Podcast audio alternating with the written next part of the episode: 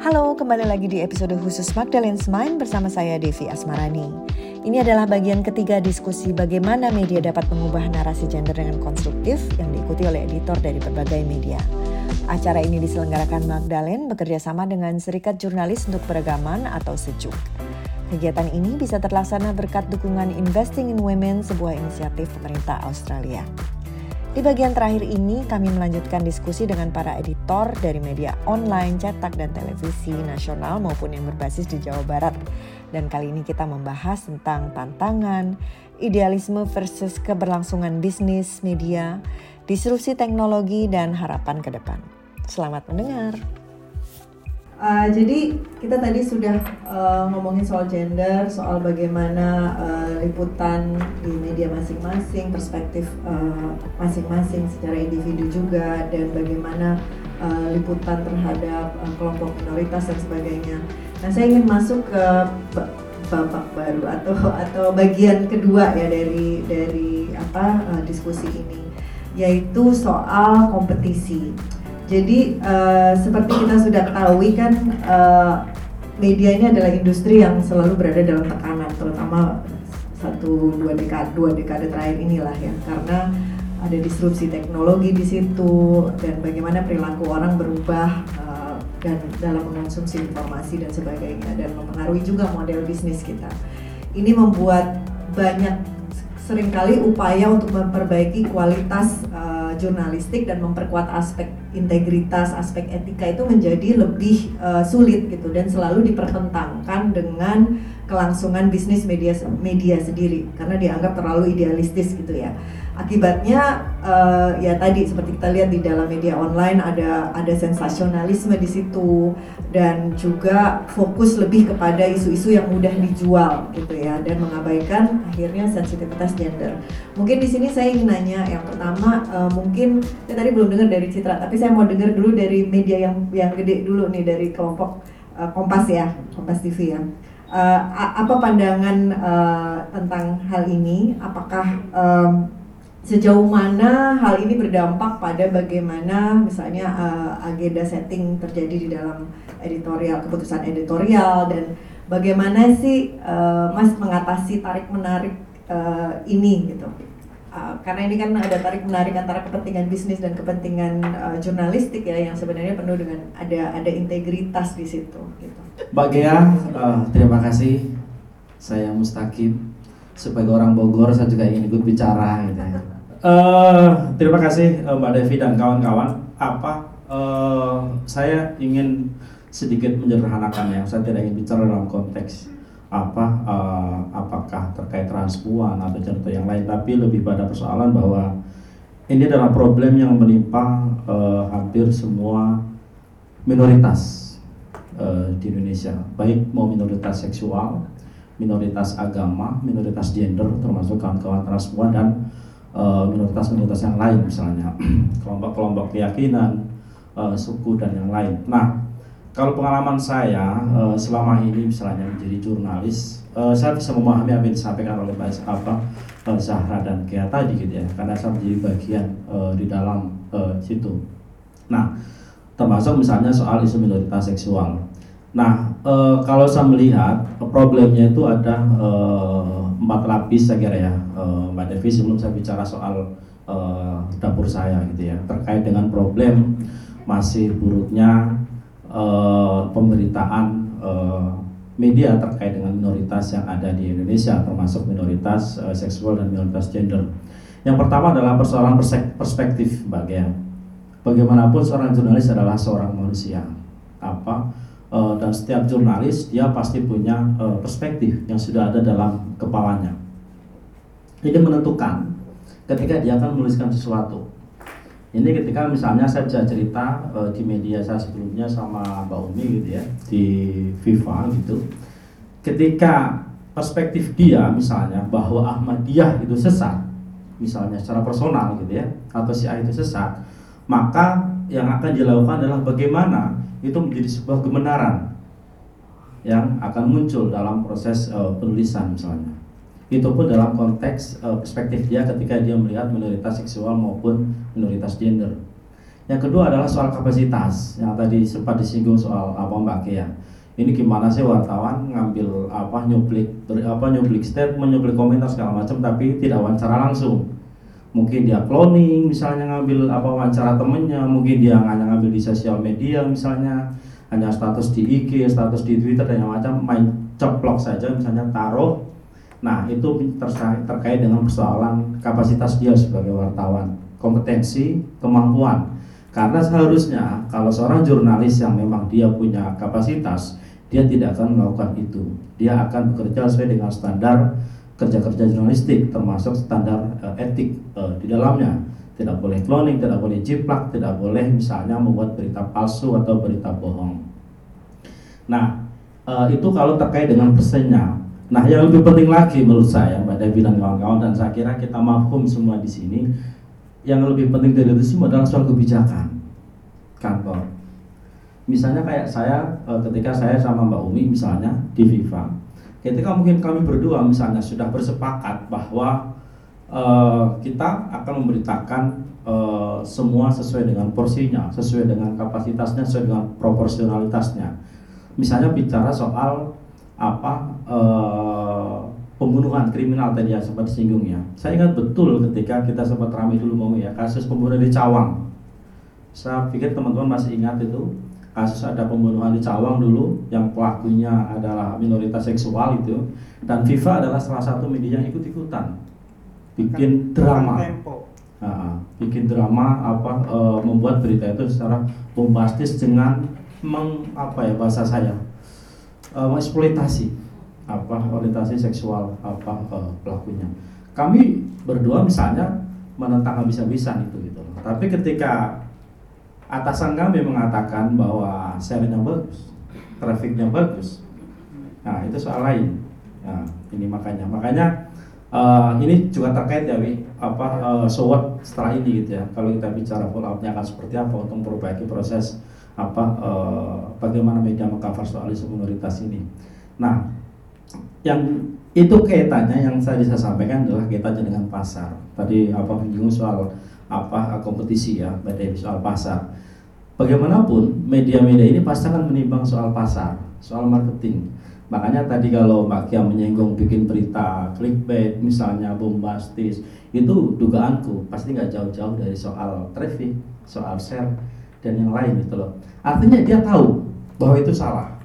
Dia tahu bahwa itu kalau kalau yang dua di awal itu kan dia nggak tahu kalau dia salah. Soal kompetensi bisa jadi ketika dia nulis apa e, nulis waria nulis bencong karena dia nggak tahu kalau soal kapasitas mungkin wartawannya nggak tahu karena mohon difahami tidak semua media hari ini misalnya e, perusahaannya itu memberikan pelatihan jurnalistik sama mereka bahkan kadang-kadang media-media yang mungkin apa cenderung saya tidak bilang media kecil itu ya cenderung mengabaikan soal kode etik jurnalistik, soal kompetensi, dia tidak akan membrief, tidak akan berikan pelatihan sama anak buahnya. Jangankan misalnya soal pemahaman tentang minoritas seperti ini misalnya, misalnya soal diksi, misalnya soal no labeling dan segala macamnya, bahkan hal yang sangat sederhana misalnya bagaimana cara mewawancara orang aja mungkin dia tidak diajarin.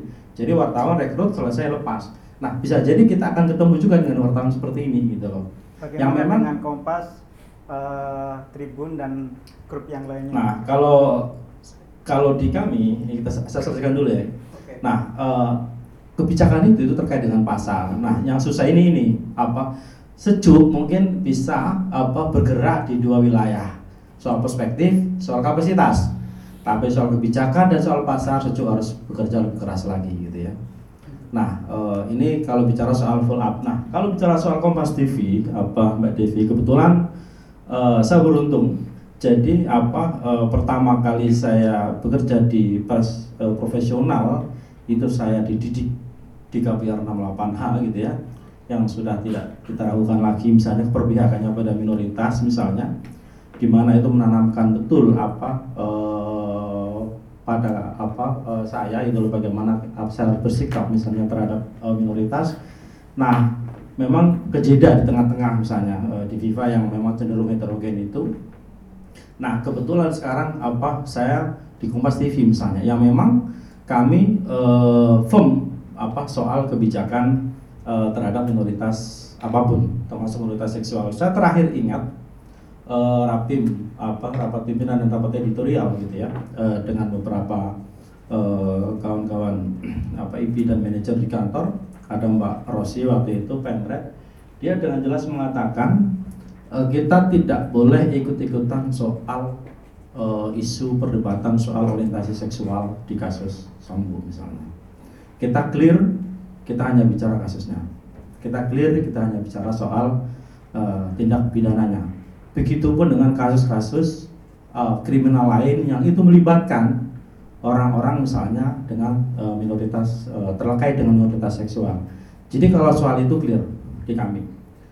Nah, kedua uh, kebetulan juga apa uh, di kami itu, Mbak Devi kalau saya boleh uh, berbangga gitu ya, kami di Kompas TV itu memang uh, share uh, Nielsen mungkin menjadi salah satu pertimbangan, tapi itu bukan yang utama. Uh, kalau saya boleh jujur misalnya Eh, menurut beberapa pimpinan bahwa kenapa misalnya banyak apa brand, banyak agensi misalnya menaruh duit misalnya iklan di Kompas itu bukan karena share kami bagus, share kami jelek dibanding Metro, dibanding TV One, share kami jelek.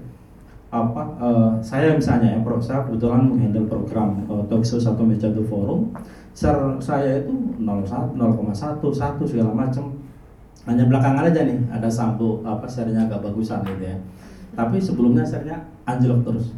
Tapi itu tidak menjadi persoalan gitu loh. Karena memang e, menurut apa teman-teman bahwa kita tetap menjaga reputasi. E, pernah sekali waktu misalnya gini saya kasih contoh. Bahwa kita satu strict soal kode etik. Kedua kita tidak menghamba pada apa e, share pada traffic.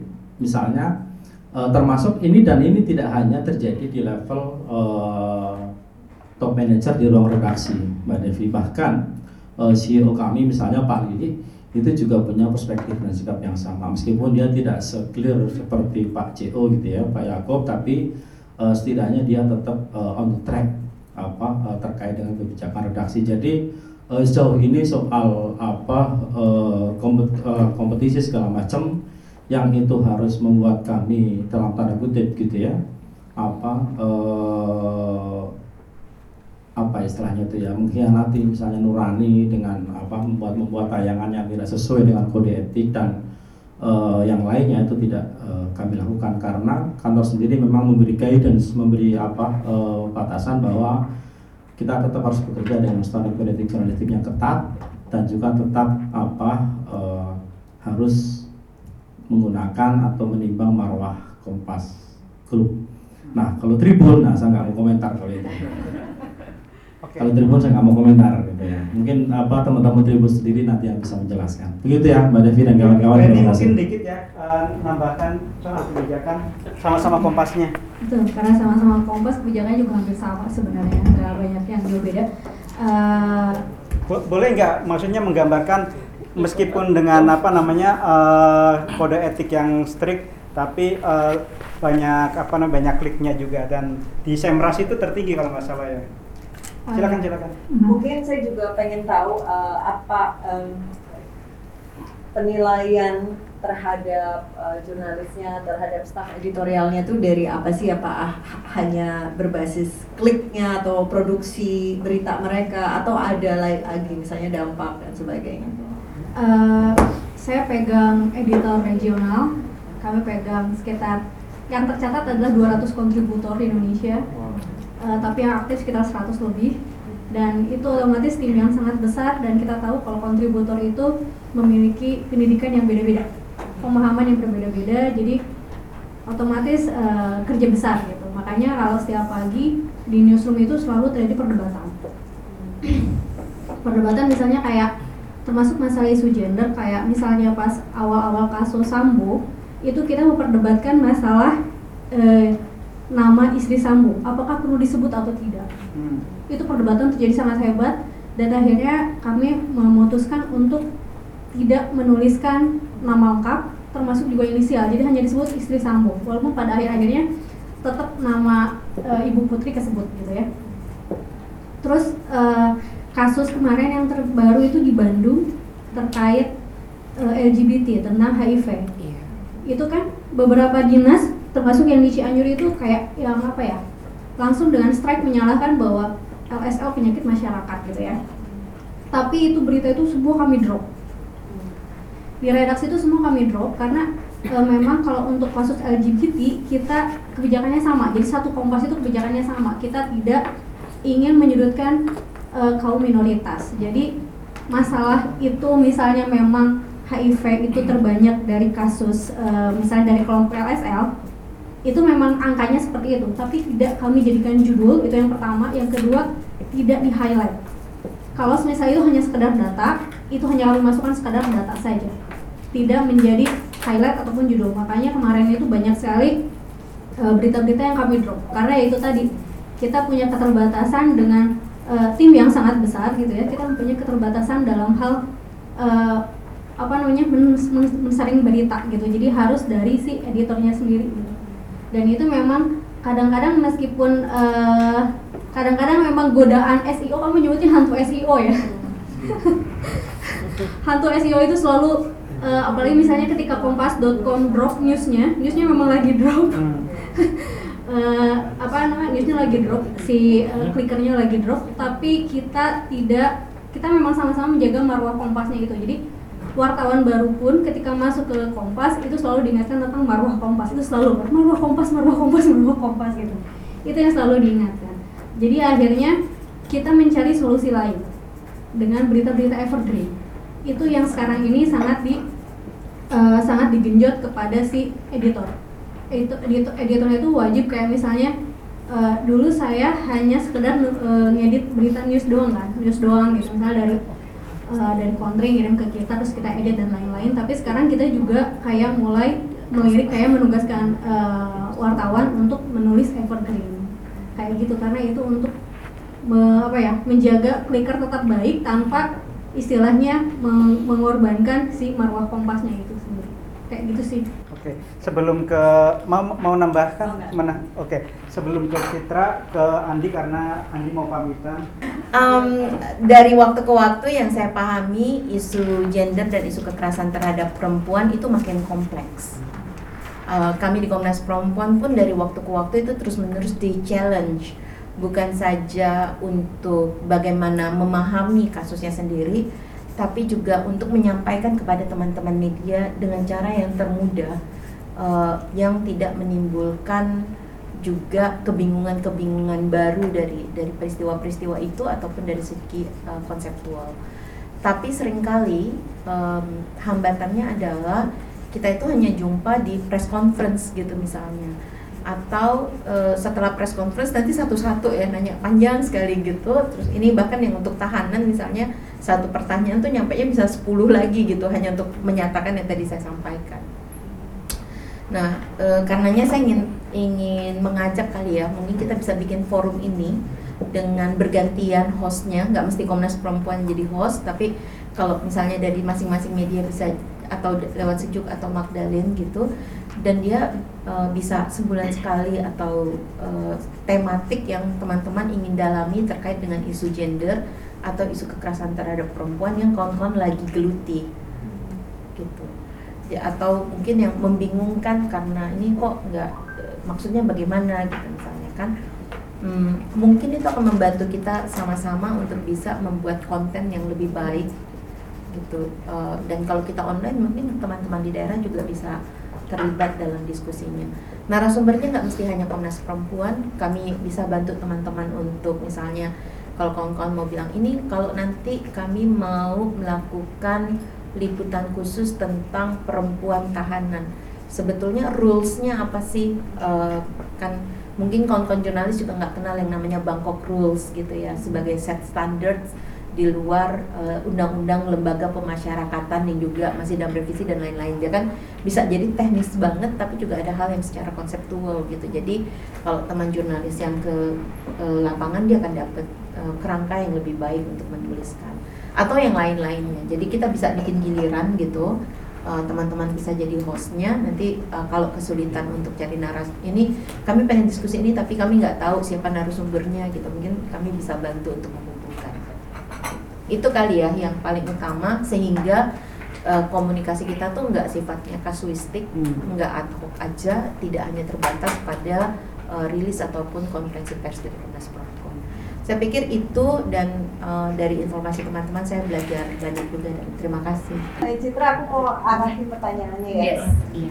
Uh, yang pertama, uh, mungkin kita melihat ke depan di mana sih sebenarnya uh, tadi kan udah teridentifikasi nih beberapa masalah ya ada masalah training pelatihan yang kurang ada, ada masalah perspektif yang uh, belum hadir di situ atau masih perlu dikuatkan terus kapasitas juga ada dan kebijakan dan masalah bisnis pasar juga gitu. Sementara ada juga media-media yang marwahnya tuh udah kuat gitu ya. Tadi Kompas saya lihat, IDN Times, KBR ya dan uh, dua apa alumni-alumni KBR juga akhirnya membawa marwah itu juga ke tempat mereka berada sekarang gitu. Nah, uh, kira-kira kalau dirimu lihat nih secara konkret gitu. Apa sih yang kita bisa lakukan untuk mempertajam memperkuat uh, apa perspektif gender di media uh, di luar uh, atau mungkin apa yang sudah ada sekarang yang mungkin juga sudah dilakukan oleh KPR eh, KPR KPR gue mikirnya rumah lagi KBR gitu ya. Jadi apa yang sudah dilakukan secara individu secara organisasi maupun secara industri. Tadi kan kayak Kak Andi sudah menyarankan apa mensuggest kita melakukan ini secara forum secara apa namanya saya pikir juga penting juga itu gitu. Mungkin bisa dimulai dari situ aja Oke, okay. uh, eh, kalau tadi aku mungkin uh, mau lanjutin tadi dari Mbak Umi ya cerita soal ada pilar-pilar yang kemudian itu jadi uh, apa ya pondasi gitu buat teman-teman. Nah, pondasi itu kan juga sesuatu yang kemudian saya Taufik, uh, Mustaqim um, tumbuh besar dengan itu gitu ya. Tapi itu kan semacam privilege ya. Kebetulan aja di situ kebetulan tumbuh dengan media yang perspektifnya baik kebetulan kemudian kita sepakat bla bla bla segala macam. Tapi kemudian memang juga penting untuk menginstitusionalisasikan uh, itu ya value perspektif dan segala macam sehingga itu tidak bersandar pada orang per orang gitu.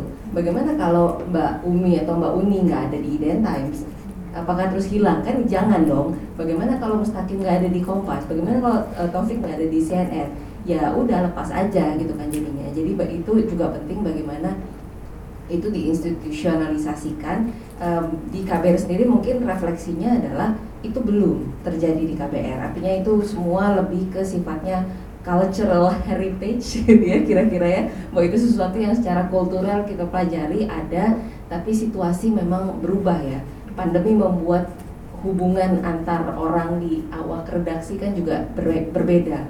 Obrolan akan jadi situasinya berbeda. Ob, uh, apa ya diskusi-diskusi mungkin jadi terbatas gitu segala macam. Itu berubah. Lalu kemudian orang datang dan pergi itu ketika kemudian perspektif itu atau value itu tidak diinternalisasikan lewat bentuk apa pun ya kebijakan atau apalah segala macam maka ya itu bisa lepas gitu. Salah satunya yang kemudian baru-baru ini terjadi misalnya yang UU itu ya e, berita soal wagub sempat hampir juga ke telepasan itu berita tanpa perspektif yang jelas itu itu kan artinya eh, itu sesuatu yang eh, kira-kira istilahnya I didn't see it coming gitu ya. Oh kok bisa sih ada orang KBR bikin kayak gini gitu ya? Itu satu. Lalu kemudian yang kedua eh, ada satu temen media sosial yang kemudian akhirnya dia resign setelah baru dua bulan gitu karena dia merasa tidak cocok dengan yang dia sebut nilai-nilai kebebasan KBR gitu ya kira-kira begitu tapi bahwa kemudian dia e, sempat masuk itu juga kemudian membawa refleksi juga bagaimana kemudian kita e, di KBR itu ada yang unik dari segi rekrutmen ya sebetulnya. Rekrutmen e, terutama di teman-teman jurnalis bahwa pasti ada pertanyaan soal keberagaman di situ gitu once nggak cocok mendingan nggak usah kayak kita nyari pacar aja deh gitu ya. Mendingan nggak usah diterusin ya udah susah kan kita perspektif. Orang itu kan dari sekian puluh tahun ke belakang yang kita tidak bertanggung jawab terhadap itu gitu ya gitu.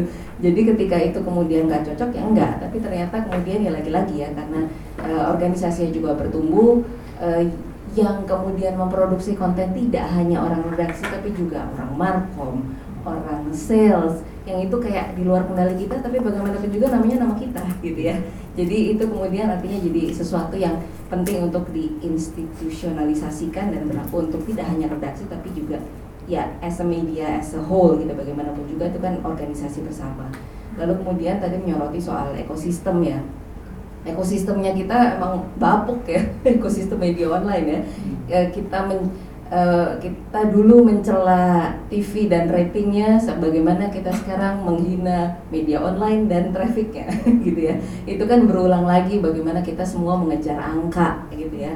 Karena angka itu adalah sesuatu yang bisa dipahami semua orang dengan sama. Oh angka seribu ya seribu angka dua ribu ya dua ribu gitu. Sementara kalau kualitas kedalaman itu kan sesuatu yang ya susah gitu. Jadi ekosistemnya sendiri juga mesti diperbaiki dan itu juga sesuatu yang perlu kita dorong bersama ya entitas di dalam uh, apa ekosistem media itu sendiri termasuk juga mengendorse ke pihak uh, pengiklan gitu misalnya. Jadi misal ada istilah namanya brand brand safety gitu. Bagaimana kemudian brand juga beriklannya pada media yang baik dong yang punya sama-sama menjaga brand safety itu gitu. Itu kan juga um, jadi emang me, apa pengiklannya mau gitu pasang di uh, media yang isinya abal-abal segala macam. Itu kan jangan dong. Bagaimana itu kemudian juga uh, kita dorong ke arah sana sehingga itu sebagai dorongan bersama untuk ekosistem media yang lebih baik kira-kira. Mudah-mudahan menjawab kak Devi. Menjawab banget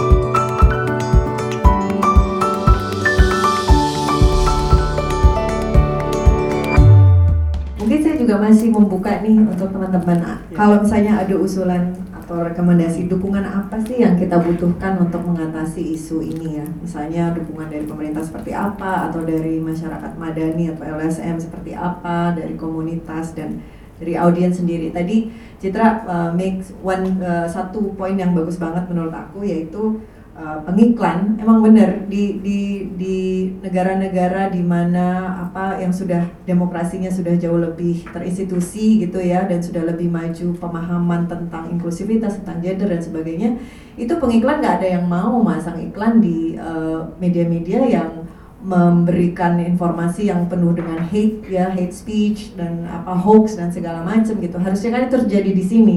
Tapi kan di sini uh, karena realitasnya adalah media seperti itu mungkin trafficnya banyak banget gitu loh. Tapi uh, pengiklan di sini kan masih mengejar traffic nih ya kan?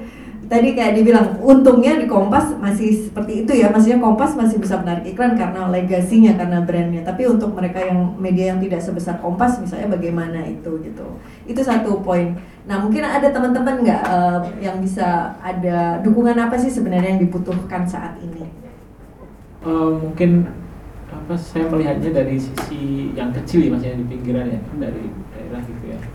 Kalau teman-teman yang dari media besar mungkin beruntung mendapatkan warisan culture gitu ya budaya bermedia dan termasuk nilai-nilainya yang sudah sudah sudah mapan ya gitu ya lalu perkaranya kan tinggal meneruskan warisan itu dan meningkatkannya lagi nah tantangan lebih besarnya adalah sebenarnya di daerah itu menurut saya berlipat-lipat gitu ya uh, beberapa inisiatif datang. Salah satunya adalah uh, makin banyak media daring yang didirikan. Artinya dengan kemudahan internet, kemudahan teknologi ini kan semakin banyak anak muda yang lalu bisa me memilih jalan mendirikan media independen gitu ya. Selain tentu banyak juga yang lalu bergabung menjadi subdomain itu itu fenomena sendiri dan beberapa pusatnya di Bandung sebetulnya. ya, domain dengan 100 200 subdomain itu kan persoalan yang menurut saya sangat gigantik ya, sangat besar itu ya. Jangan nyebut nama Mas. tapi tapi itu satu hal, tapi ada juga hal lain yaitu beberapa inisiatif baik dari teman-teman muda. Nah, perkaranya atau tantangannya adalah lalu seberapa jauh, seberapa lama inisiatif itu bisa berlangsung. Bagi saya itu selalu menjadi alternatif untuk uh, meluaskan praktik baik jurnalisme termasuk uh, perspektif uh, ramah gender ini ya. Bagi saya itu selalu menjadi pilihan. Tapi selalu tantangannya sama ketika modalnya cekak, ketika sumber daya terbatas, lalu dampaknya akan seberapa banyak kan yang dipertanyakan itu kan karena dampak nggak peduli kecil besar tapi kalau kecil tapi dampaknya besar bagi saya nggak masalah. Dan mungkin yang bisa dilakukan oleh kita ke depan adalah berangkat dari dampak itu mas. Apa yang perlu kita lakukan agar uh, inisiatif-inisiatif inisiatif yang kecil kita nggak perlu mengharapkan inisiatif selalu besar dan datang dari atas dan kecil tapi berdampak gitu. Kalau di daerah salah satu yang realistis menurut saya itu. Tumbuhnya media-media alternatif yang lalu katakanlah punya modal yang baik yang yang cukup baik untuk sebetulnya bisa dibuat bareng-bareng kerja untuk memberi dampak yang besar. Yang kepikiran adalah mungkin kolaborasi ya tapi wadahnya kan sangat terbatas lagi-lagi. Karena apa? Karena kue iklan kue pendapatan kue fellowship kue sponsorship itu masih berpusatnya di ibu kota. Bahkan Bandung gitu ya yang hanya dua jam tiga jam dari Jakarta itu masih kesulitan dengan akses itu karena banyak NGO banyak kedutaan banyak apa pun itu masih berpusat di Jakarta. Itu persoalan besar kalau menurut saya. Artinya akses untuk uh, daya hidup media yang mungkin inisiatifnya baik itu lalu menjadi terbatas, menjadi sangat uh, itu tadi tantangannya berkali lipat lah kalau mau merintis sesuatu di daerah di lokal itu. Mungkin itu mas. Uh, berangkatnya dari pertanyaan itu kali ya malah melempar pertanyaan cuma. Tapi kira-kira kolaborasi ke depan lalu uh, pemerataan akses uh, pendanaan itu karena krusial pendanaan mau nggak mau itu krusial. Kalau mau ngomongin mutu jurnalisme mau nggak mau akses pendanaan itu harus dibahas juga. Viability-nya ya. Iya betul sustainability-nya itu. Uh, kalau tadi kan Mas Joko sempat menyinggung soal uh, media besar punya warisan yang bisa uh, dijalani oleh penerus-penerusnya ya. Tapi sih kalau pendapat saya media baru justru harusnya dia bisa lebih menanamkan value-value-nya lebih baik lagi gitu ketimbang yang lama. Jadi sebetulnya kayak kenapa uh, saya sih kalau ngelihat kenapa IDN bisa bisa ya berhasil tumbuh dengan tujuh pilar yang uh, jadi pedoman kami itu karena selain keinginan kuat dari pemilik sama pengurus-pengurus di medianya juga ya itu juga terkait dengan eh, IDN itu bukan media lama gitu, media baru. Jadi uh, baru 8 tahun tapi serius dia berita dan lain-lainnya itu baru sekitar 4-5 tahunan gitu. Jadi uh, justru kalau media baru menurut saya dia lebih gampang untuk menanamkan nilai-nilai value-value. Jadi yang penting sebetulnya sih kayak niat dasarnya aja gitu loh. Jadi di awalnya memang sudah ada keinginan untuk misalkan lebih sensitif gender atau apa gitu loh. Itu sama mungkin kalau untuk usulan-usulan kalau bisa mungkin kita bisa berembuk seperti yang Mbak Andi bilang tadi ya kita lebih sering ada diskusi-diskusi seperti ini. Kemudian kita mungkin bisa bisa mengajukan usulan pedoman penulisan ramah gender gitu loh. Seperti pedoman penulisan ramah anak atau pedoman penulisan bunuh diri yang sudah dikeluarkan oleh Dewan Pers. Mungkin kita bisa ada ke perempuan. Iya. E, kalau yang pedoman penulisan tentang perempuan kayaknya belum belum ya, ya juga. Belum ada mas. yang ada saya tahu yang LGBT itu dibuat oleh Ardanari ya pernah. Yang yang Dewan Persnya belum? Oh iya Aji kan ada ya. Aji lagi dirembukin kalau nggak salah ya lagi, lagi, dimasukin, lagi mau dimasukin ke Dewan Pers. Oh, lagi iya. digodok. Masih. Oke, thank you. Aku mau ada satu poin lagi yang mau angkat nih. Di sini kebetulan juga ada ada Wela ya. Eh, mungkin eh, ada nggak sih? Ini kan tadi aku lupa angkat ya eh, soal eh, apa namanya eh, relasi kuasa yang jomplang gitu ya. Terutama eh, teman-teman yang bekerja di media yang besar, dalam grup yang besar, di mana pemegang modalnya juga sangat jauh berjarak gitulah. Nah. Eh, nih di media besar ini eh, sering kali masalahnya kan yaitu masalah bisnis bottom line-nya lebih lebih important ya karena kan kelangsungan berapa ratus orang gitu ya berapa ribu orang. Nah eh, sering kali jadi ada eh, masalah apa namanya ke ketimpangan relasi itu membuat susah untuk eh, mendorong ideal idealisme idealisme tertentu atau perspektif tertentu. Nah pertanyaan saya di sini ada nggak ya bisa mungkin memberi contoh apa sih yang dilakukan untuk menegosiasi atau bagaimana sih biasanya caranya selama ini untuk menegosiasikan? Misalnya untuk meningkatkan posisi tawar gitu terutama ketika uh, kita uh, berhadapan dengan uh, kepentingan bisnis atau kepentingan lain apa pun lah kepentingan politik atau bisnis lain yang mungkin bisa berdampak pada integritas karya jurnalistik kita gitu. Di MNC Group tuh gede banget ya. TV-nya ada lima kalau nggak salah itu plus yang channel. Uh, iNews tuh baru ya eh, sekitar 2005 2014 kira-kira 2014 2015 Hmm. Dan pada saat saya gabung itu Mbak Devi, kita baru eh, apa? Kita saya dulu gabung di MNC World News. Eh, channel dia, bukan yang TV yang bisa disiarkan semua orang bisa nonton di channel TV berlangganan. Itu TV bahasa Inggris 24 jam Mbak Devi termasuk salah satu narsum yang paling rajin kita undang gitu untuk berbagai isu-isu. Nah bedanya kalau TV bahasa Inggris Mbak Devi lebih terbuka. Hmm. owner nggak begitu membatasi. Itu yang eh, kita beruntung banget. Jadi mau bahas LGBT gay parade apa itu kita pernah bahas sama Mbak Devi. March parade segala macam. Tapi ketika kemudian ikat Mbak Citra nggak boleh lagi. Gitu. Akhirnya kita dipindahin eh, ke kan disebar-sebar nih. Divisi itu udah nggak ada Wela oke Wela gabung di Ainus TV karena kamu udah biasa mengelola talk show dan internasional dan sebagainya. Terus akhirnya kita cari jalan jalan tengahnya ya udah deh saban rapat redaksi kan ada orang marketing ya. Iya. kan nggak boleh misalnya ini nggak bisa. Oh ini Wela kita salah satu yang dulu pernah dilarang itu mengundang Mas Ulil. Eh mau wawancara Mas Ulil Absar Abdallah. Nggak boleh kita dapat misalnya kalau mentok-mentok nggak ada ini ya udah Pak Azra deh Jadi ada nggak contoh mungkin bagaimana kalian menegosiasikan itu atau mungkin ya itu tadi yang marketing negosiasi itu Pak Azra Eh, jadi atau ganti orang. Ah, Hmm. itu masih boleh Nah kalau misalnya urusannya sama angle tulisan gitu atau apa itu pernah nggak sih terjadi yang mungkin Iya. eh, apa namanya ya kamu akhirnya Fighting. mencari ally kah atau apa di dalam Nah, newsroom atau menariknya kalau itu malah nggak pernah. Jadi selalu eh, narsum Hmm. yang Tiga. jadi masalah gitu. Jangan yang itu.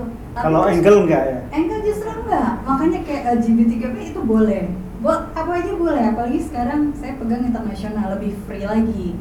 Tapi tetap narsumnya kemarin siapa misalnya? Oh anu dari kedutaan Inggris. Oh ya, oke nggak apa-apa. Ini lebih udah lebih enak sekarang. Ah, ini sudah jauh lebih enak sekarang. Oke, thank you Bella. Ya. Oke, silakan. Ini em, em, menyinggung soal bisnis dan idealisme ya, eh, khususnya terkait dengan pemberitaan seputar eh, isu gender. Eh, ya, waktu awal saya masuk di industri eh, penyiaran khususnya TV, eh, yang diingatkan eh, salah satu pendiri, bukan pendiri apa, eh, salah satu jajaran direksi lah ya, dia mengatakan kamu boleh punya punya idealisme eh, tentang pemberitaan yang ideal, tapi harus sejalan dengan bisnis eh, keberlangsungan eh, industri eh, apa keberlangsungan perusahaan kita gitu loh. Nah jadi eh, jalan tengahnya adalah eh, di rapat eh, perencanaan, rapat redaksi, rapat editorial. Jadi kalau di media kami itu ada dua. Pertama rapat edit- editorial mulai pukul 10 pagi. Kemudian yang kedu- eh, keduanya eh, rapat sore itu rapat eh, perencanaan. Jadi semuanya eh, bermula dari sana. Eh, kita nggak nggak nggak mesti harus memaksakan harus tiap hari ada misalnya apa namanya eh, isu A atau atau isu B, tapi lebih ke news value ya nilai nilai berita. Kalau memang ada isu terkait dengan isu gender yang layak kita angkat, kekerasan seksual yang kita angkat itu penting buat publik, ya akan kita eh, apa perjuangkan di eh, rapat redaksi tanpa memikirkan soal share. Nah tapi yang saya dengar dari teman-teman eh, news production itu isu kekerasan seksual yang diduga dialami oleh PC untuk Sambo ini cukup tinggi dan banyak istilah kalau istilah mereka itu banyak dimakan itu oleh eh, pemirsa kita. Jadi terus tuh kalau di ada isu terkini terkait dengan kasus Sambo misalnya soal olah TKP kemudian misalnya Kak Seto yang datang ke rumahnya PC untuk apa untuk eh, mengadvokasi anak eh, anak eh, anaknya ya empat anaknya itu terlepas dari eh, kontroversinya karena ini juga jadi polemik di tengah masyarakat.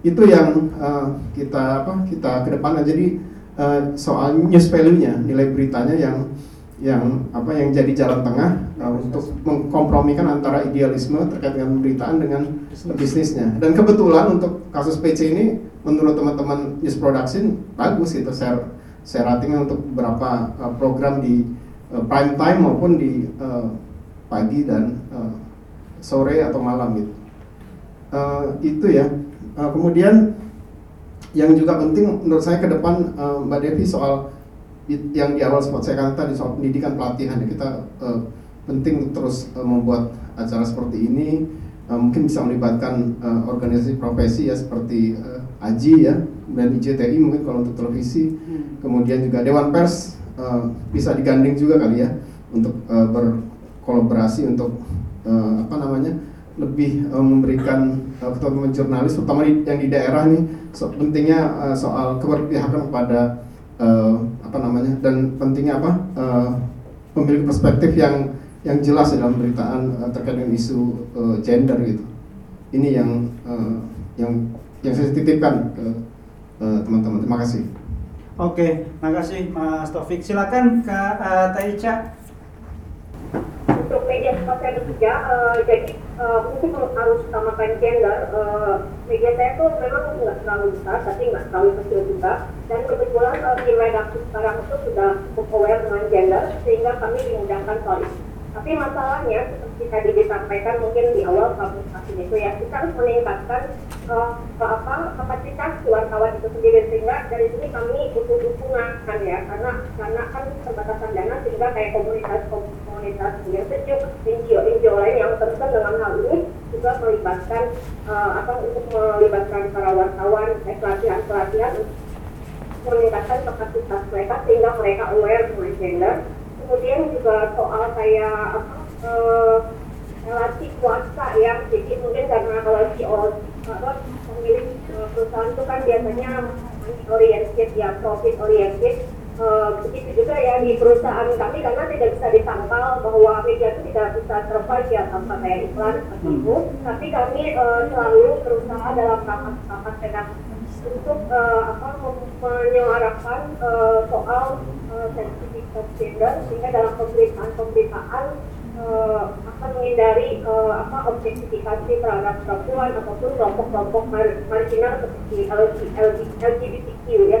Mungkin di LGBT itu agak susah ya karena mungkin dari demografi masyarakat Jawa Barat itu konservatif tapi uh, uh, ini mungkin butuh dukungan uh, di Dewan Pers ya. Uh, kan Dewan Pers juga kita punya kode etik. Tapi mungkin untuk LGBT itu ada panduan yang khusus gitu ya kalau untuk kayak perempuan tuh kita sudah punya kan kode etik di Dewan Pers. Sehingga mungkin uh, butuh lobby-lobby ya untuk membuat Dewan Pers juga aware dan membuat suatu uh, pedoman yang dibutuhkan gitu sehingga jadi panduan pedoman bagi uh, uh, apa ribuan media di Indonesia. Uh, itu ya yang saya sampaikan. Ya makasih. Uh, Teh Ica. Ada teman-teman yang mau uh, penutup? Cukup? Oke. Okay. ya uh, terima kasih teman-teman untuk apa namanya uh, segmen yang terakhir. Kita mencoba untuk mencari jalan keluar dari yang awal kita lihat banyak tantangan-tantangan banyak hal-hal yang uh, belum ideal. Nah uh, seperti kolaborasi seperti support Eh, jurnalis-jurnalis uh, di daerah atau media-media kecil yang punya inisiatif bagus. Lalu juga apa namanya di tingkat redaktur di tingkat newsroom ada hal-hal yang penting uh, misalnya bagaimana value ini di apa uh, keberagaman gender dan perspektif gender bisa apa bisa dinegosiasikan uh, di newsroom. Dan yang terakhir juga uh, pelibatan uh, pengiklan ya pada pentingnya isu ini agar mereka juga nggak asal apa namanya support media-media uh, yang memang uh, mendegradasi isu-isu perempuan atau gender uh, secara umum seksualitas dan sebagainya. Oke, okay, uh, eh, itu sebagai apa namanya uh, rangkaian dari uh, alur workshop eh apa FGD uh, pada siang sampai sore hari ini. Saya kembalikan ke Devi untuk memberikan hal-hal mungkin uh, dari proses ini akan dibawa seperti apa. Terima kasih teman-teman. Uh, saya mau mengucapkan banyak terima kasih dan apresiasi saya karena sudah berpartisipasi dalam diskusi ini. Diskusinya sangat uh, apa namanya hmm, apa berdaging gitu ya. Uh, jadi banyak tahu tentang situasi dan juga makasih udah jujur nih. Nah dari sini uh, kami akan membuat catatan-catatan dan kami juga akan memproduksi konten dari sini dengan tadi apa namanya discretionary tadi ya dan uh, nanti kami akan kirimkan juga uh, catatannya. Dan saya berharap sih uh, teman-teman mendapatkan sesuatu dari sini ya dari diskusi ini membawa kembali ke uh, newsroomnya dan mensupport upaya apa pun untuk mengarusamakan perspektif gender dan perspektif perspektif inklusivitas dan keragaman itu. Uh, saya pikir uh, apa yang dilakukan uh, Sejuk dan Aji selama ini nih luar biasa sekali. Mereka udah ribuan yang di, dilatih ya yang di apa yang udah mendapatkan workshop mereka gitu. Saya pikir itu luar biasa sekali. Tapi ya tantangannya itu ketika balik lagi ke newsroom what happens setelah itu karena ini sekarang ada apa namanya teman-teman di sini sebagai leader-leader di bidangnya masing-masing dalam managerial newsroom. Saya yakin itu adalah ela yang sangat penting bagi uh, teman-teman reporter yang sudah punya perspektif dan juga untuk mereka yang belum punya perspektif. Mungkin bisa didorong agar uh, ada uh, memfasilitasi training ketika mereka ada kesempatan training di luar seperti Aji dan Sejuk. Uh, kemudian mungkin juga bisa mulai memikirkan ada uh, pedoman ya kayak pilar tadi yang mungkin nggak secanggih pilarnya IDN tapi ada pedoman lah gitu dan juga mulai membicarakan sih secara ini ya di dalam newsroom saya pikir juga bisa lebih vokal gitu. Misalnya kayak yang tadi Kak Andi bilang kan tuh subtle banget ya sangat kompleks banget ya ternyata isu Sambo itu gitu. Uh, bisa mulai mengangkat hal-hal seperti itu gitu. Memang nanti kelihatannya kayak kita cerewet banget nih si gender nih si si gender advokat. Tapi menurut saya memang harus begitu gitu loh. Kadang-kadang memang harus ada yang cerewet di dalam newsroom ya. Kalau enggak ya gimana? Dulu di FIFA ada Umi dan yang sempat kita call out juga ya sama Magdalen ada Umi dan uh, tadi Mas Hakim gitu.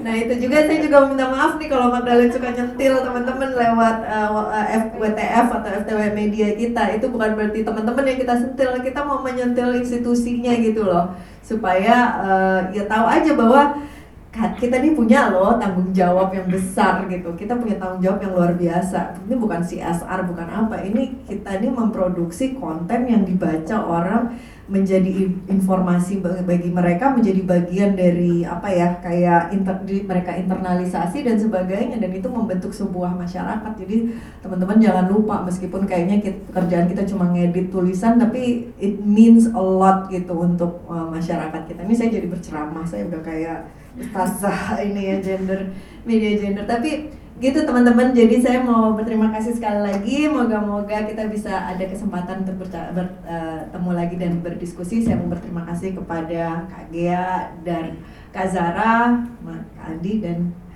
uh, Bang Saidiman. Uh, itu aja sih Tawi ya makasih banyak uh, Devi. Terima kasih Bang